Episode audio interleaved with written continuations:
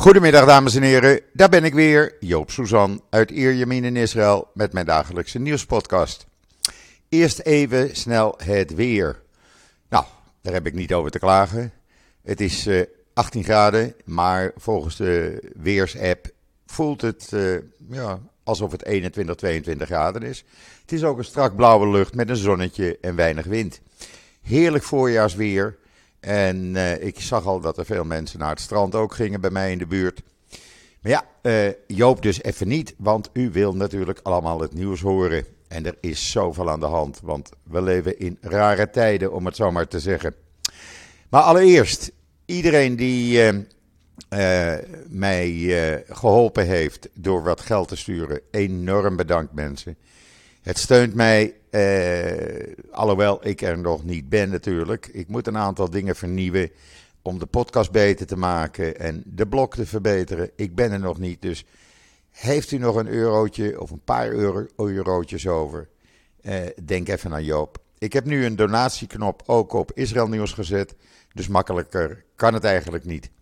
Maar iedereen al uh, enorm bedankt. Het is echt, ja, overweldigend. Ik vind het leuk en ik ben blij met de steun, want het betekent dat ik uh, in een behoefte voorzie. En dan het coronanieuws in Israël. Ja, wat moet ik ervan zeggen? We gaan uh, door met de dalingen. Op zondag uh, 66.915 mensen getest. 10.761 bleken met COVID besmet te zijn. Positiviteitspercentage staat op 16,08 procent. Er zijn nog 74.002 actieve viruspatiënten in het land. Althans, dat was om middernacht. Uh, de meeste hebben lichte tot milde klachten en uh, er liggen minder dan 600 ernstige patiënten nu in het ziekenhuis. Dat is gedaald naar 580. Daarvan zijn er 246 in kritieke toestand en 217 van hen aangesloten aan beademing. Er zijn de afgelopen 24 uur 28 mensen aan COVID overleden. Maar dat had ik u al eerder uitgelegd. Ook mensen die onderliggende ziektes hebben. Maar ook besmet zijn met COVID. Die worden meegeteld als zijnde overleden aan COVID. En niet aan die onderliggende ziekte. Uh, het aantal doden staat dus nu op 10.154. En dan vanaf morgen wordt het makkelijker om uh, naar Israël toe te gaan of vanuit Israël naar Europa toe te gaan. Uh, de maatregelen worden ja, min of meer geschrapt. Het enige wat je nog nodig hebt is een uh, PCR-test voor vertrek. Dan word je bij aankomst krijg je een sneltest. Nou, voordat je in je appartement of hotel of bij familie bent, is die uitslag al bekend en kan je gewoon je gang gaan. Weinig beperkingen nog in Israël. De enige beperking is dat je in drukke plaatsen, in publieke ruimtes, zoals winkels en winkelcentra bijvoorbeeld, of theaters en bioscopen, een mondkapje draagt. Nou, daar eh, hebben maar heel weinig mensen moeite mee. En dan eh, het Weizmann Instituut. Die heeft eh, een heel onderzoek gedaan naar het immuunsysteem. En hoe kan het dat wij bacteriële infecties oplopen, uh, voedselvergiftiging, uh, salmonellen. Uh, maar aan de andere kant, we herstellen weer van de griep of COVID-19. Nou, hoe dat onderzoek uitpakte, dat kunt u helemaal in zijn totaal lezen op israelnieuws.nl. Want daar heb ik het helemaal voor u vertaald en wel in het Nederlands neergezet. En dan voor de derde keer heeft de minister van Defensie Gans een uh, bevel tot inbeslagname van Hamas cryptocurrency getekend, oftewel bitcoins die toebehoren aan Hamas. Het gaat om enkele duizenden uh, shekels, tienduizenden shekels wordt er gezegd. Die staan op uh, eh, 12 digitale Hamas-accounts. Daar kunnen ze dus niet meer over beschikken. Ze deden dat via een wisselkantoor van de familie Shamlach, het Al-Mat wisselkantoor. Ja, eh, en daar kwam eh, een groot deel van die in beslag genomen cryptocurrency vandaan. Goed werk, want terreur moet je niet belonen. En dan de World Zionist Organization, oftewel heel kort samengevat WZO, heeft bekendgemaakt dat ze tijdelijke huisvesting in Israël gaan opzetten voor duizend families uit Oekraïne. Dat bestaat uit staakcaravans of uh, kant-en-klaar uh, woningjes van tussen de 50 en 90 vierkante meter. Die worden opgezet in uh, de Negev, in de Arava, in de Bet vallei in de Jordaanvallei. En er is al een regeringsbesluit genomen. Het kan meteen gedaan worden. En men is ook begonnen om dit in orde te maken. Want de eerste 2500 mensen hebben zich al officieel voor Aliyah naar Israël aangemeld uit Oekraïne. Dat zijn officiële aanvragen, die worden ook snel behandeld. En mensen kunnen dan zo snel mogelijk hier naartoe. Uh, aan de andere kant is Israël ook druk bezig met allerlei hulpverlening aan Oekraïne.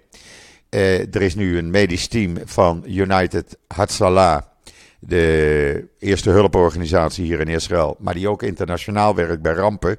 Die is al in Oekraïne aangekomen afgelopen nacht. En er zijn andere teams, uh, medische teams aan de grens tussen Oekraïne en Moldavië uh, bezig om mensen te helpen. Er worden zoveel mogelijk mensen, studenten, er zijn heel veel studenten uh, zowel Arabische als Israëlisch-Joodse studenten in uh, Oekraïne, die daar uh, ja, voornamelijk medicijnen studeren.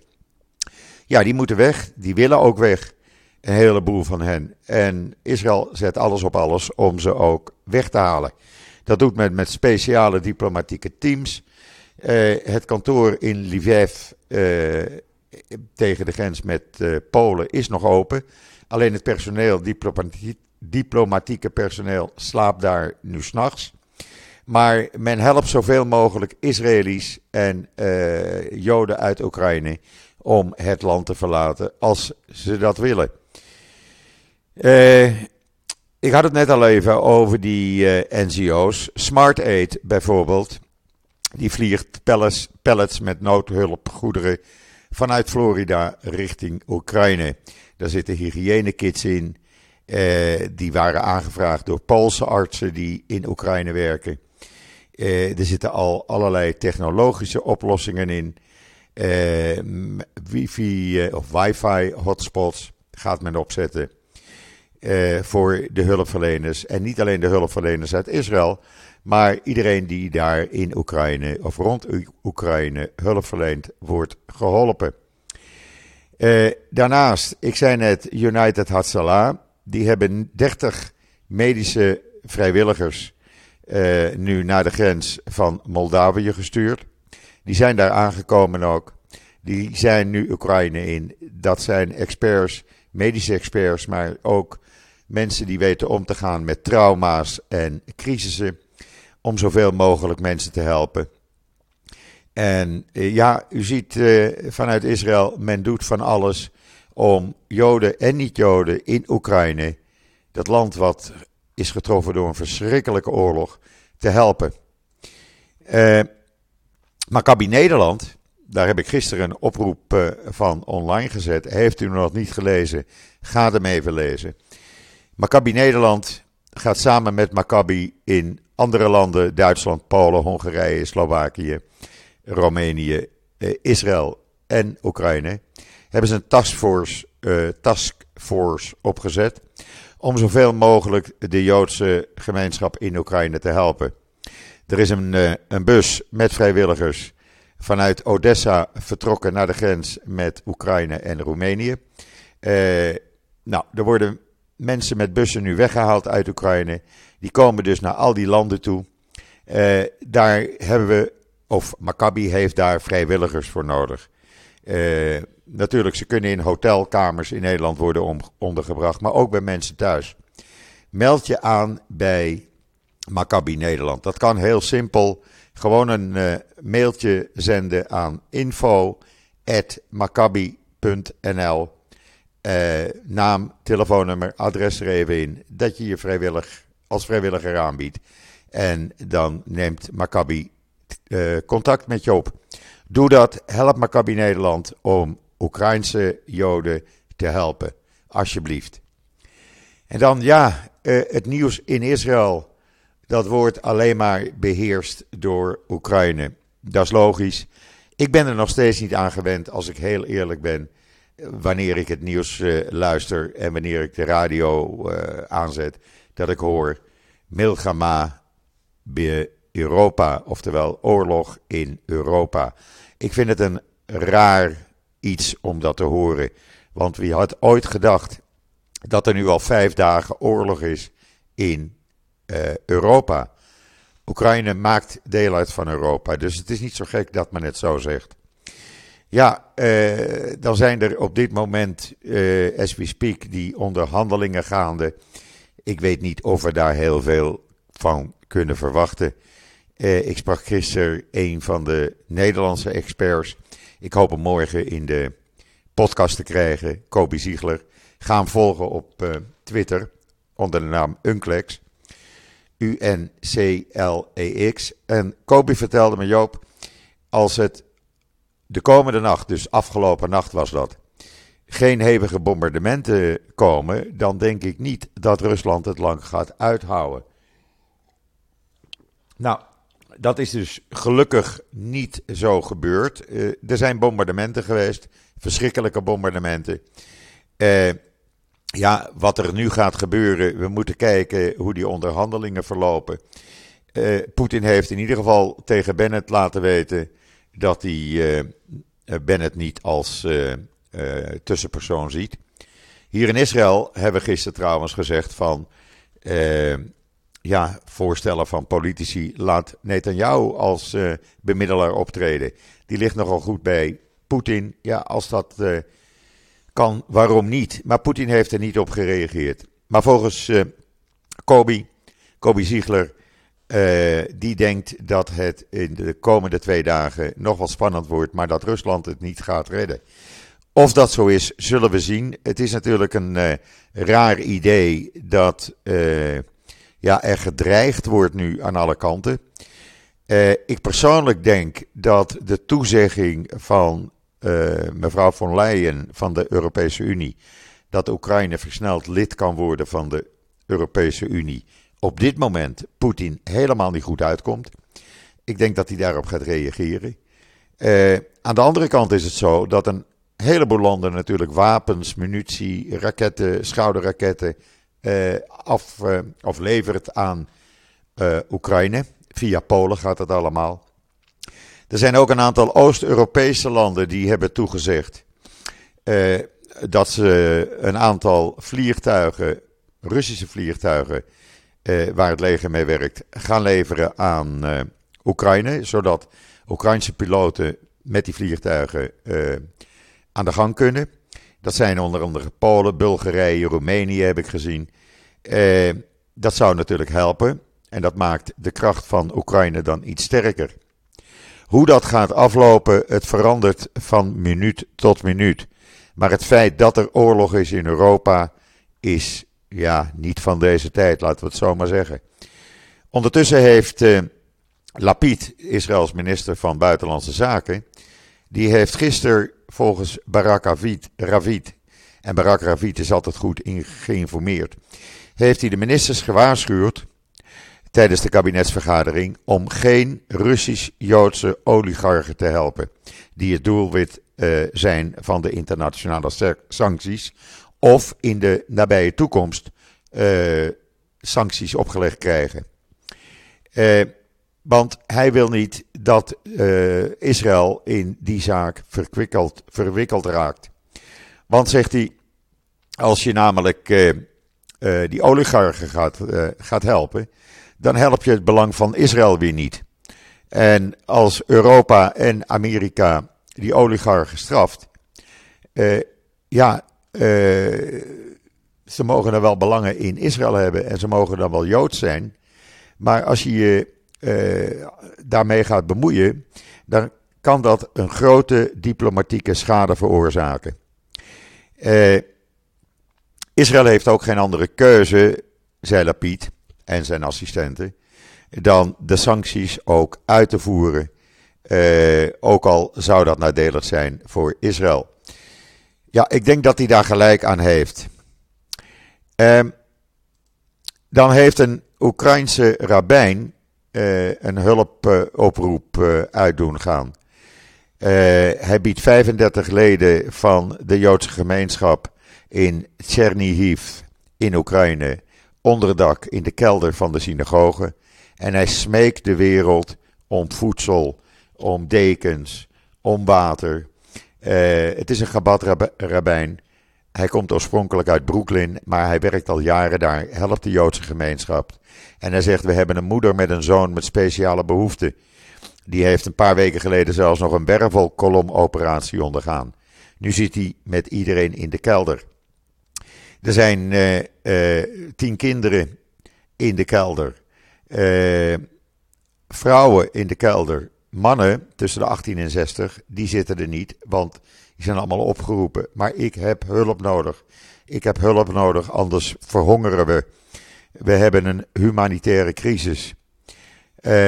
ja, ik denk dat u kan helpen via Gabat in Nederland. Die, die doet dat ook.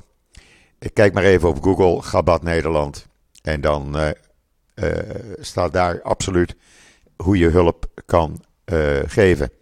En dan een, ja, een Israëlische ex-IDF-soldaat van Oekraïnse afkomst is naar Oekraïne gegaan, een tijdje terug, is daar parlementslid geworden. En die smeekte gisteravond, ik zag het op Channel 12, Israël om wapens stuur ons wapens.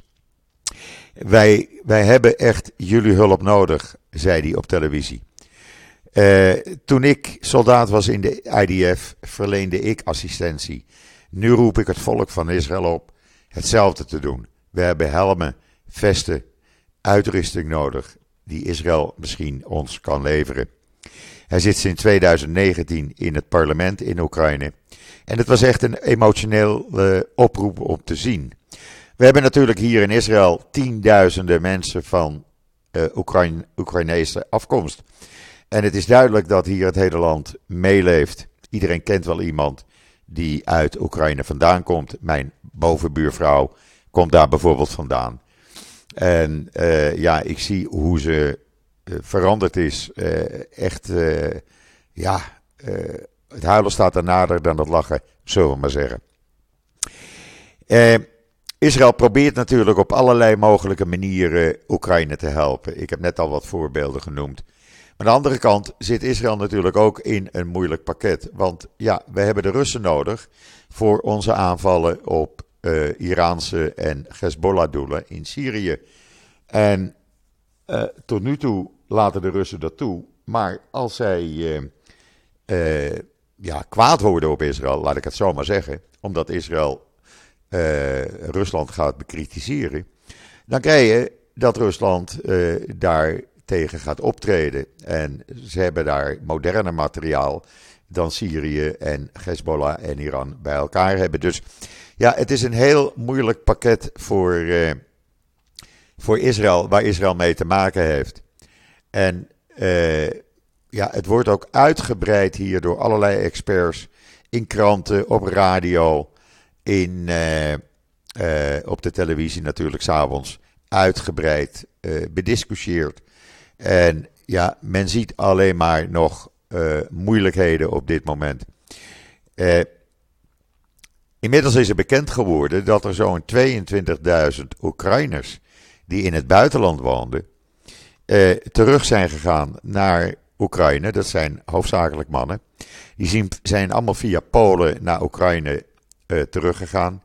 Om ja, de wapens op te nemen en hun moederland, hun thuisland te verdedigen. Daar zitten ook uh, Oekraïners bij uit Israël. er wordt niet over aantallen gesproken, maar iedereen weet dat daar ja, enige tientallen Oekraïners uit Israël inmiddels aan het vechten zijn of onderweg zijn naar Oekraïne. Inmiddels is vandaag ook bekend geworden dat het eerste van de drie vliegtuigen, waarmee in totaal 100 ton aan hulpgoederen vanuit Israël naar Oekraïne uh, wordt gestuurd, die is vandaag vertrokken. Uh, die andere twee die komen er snel achteraan. En uh, dat wordt ook via Polen de grens overgebracht en op die manier gedistribueerd onder de Oekraïnse bevolking. Israël zegt, daar zitten alleen maar humanitaire spullen bij. Laten we daar maar van uitgaan dat dat zo is. En voor de rest, ja, hoort men niets. Het Veiligheidskabinet is gisteravond bijeen geweest. Daar zijn verder geen mededelingen van naar buiten gekomen. Normaal krijg ik altijd een persbericht. Maar die heb ik niet gehad. Dus men houdt dat binnenskamers. Uh, ja, we blijven het volgen. Uh, ik meld vooral veel op mijn Twitter-account, omdat ik een aantal nieuwszenders uit Oekraïne volg. En bent u nieuwsgierig? Kijk dan even op mijn Twitter-account af en toe. 12.000 mensen doen dat inmiddels. En dan uh, blijft u eigenlijk van minuut tot minuut op de hoogte. En dan even iets heel anders. De Paralympics gaan beginnen. En daar doet uh, voor het eerst een Israëlische atlete aan mee. Het is een uh, orthodoxe vrouw, een Hasidische vrouw uit noorden van Israël. Shaina Faspi heet ze. En ze gaat volgende week deelnemen aan alpine skiën. En ze is 20 jaar. Ze verloor haar linkerbeen jaren geleden, toen ze nog een kind was, bij een verkeersongeval. En ze is fantastisch in skiën. En zij gaat dus meedoen vanaf uh, eh, 4 maart. En volgende week gaat ze, uh, ja, kunnen we haar zien. En uh, ja, we hopen allemaal dat ze, ja, of ze medaille wint, weet ik niet. Maar dat ze in ieder geval hoog eindigt. Eh, fantastisch dat zij meedoet. U kunt een filmpje van haar zien in uh, The Times of Israel. Ja, dat brengt mij zo langzamerhand bij het einde van deze podcast. Nogmaals, uh, dank voor al jullie steun. Uh, heeft u nog, nog niets gedoneerd? Nou, kijk even wat u missen kan. Ik ben er echt enorm mee geholpen. En uh, dan kunnen we doorgaan, want anders eh, word ik gedwongen over een tijdje te stoppen en dat wil ik gewoon niet. En jullie willen dat ook niet, dus ik ga gewoon door met jullie hulp, met jullie steun. En dan komen we met z'n allen echt, uh, ja, komen we er wel. Nogmaals, ik blijf iedereen via Twitter voornamelijk op de hoogte houden van minuut tot minuut wat er in Oekraïne en de rest van Israël gebeurt. Volg dat af en toe. En voor de rest, uh, ja, kijk af en toe op Facebook, want daar komen de artikelen op. Rest mij u allemaal nog een hele fijne voortzetting van deze 28 februari toe te wensen. De laatste dag van februari. Morgen zitten we in maart. En kunt u allemaal makkelijk naar Israël toe komen. Lekker even van het weer genieten. Lekker even van de mensen en de natuur in dit prachtige land. Even genieten. Ik ben er morgen weer. En zeg zoals altijd: tot ziens, tot morgen.